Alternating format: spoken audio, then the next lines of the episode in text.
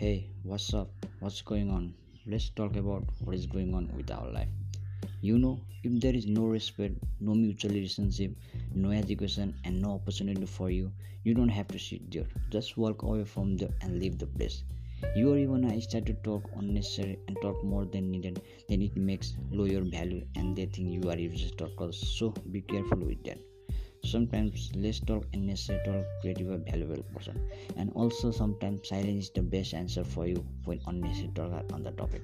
We all have friends what we don't know what's on their mind and out for us. You have to spend with little group of friends who help you when you are in trouble who support you and even who listen to you. But what we do you know we think that many friends then we become popular. That's the fucking problem of our life.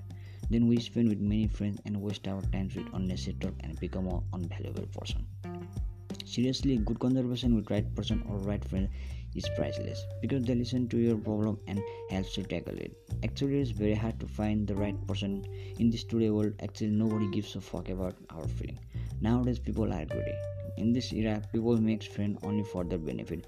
We help on them and damn care when we are in a problem. Some of the friends are good talk with us but at the backside they always think and talk about negativeness. That type of greedy friends are more than our enemy. Neither escape not close next to you.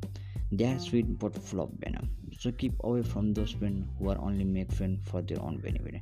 So spend your time with the right person and make good conversation and make your life valuable and happiness. Happiness is all about life choose, always the right part and do the right things and then it's gonna always right for you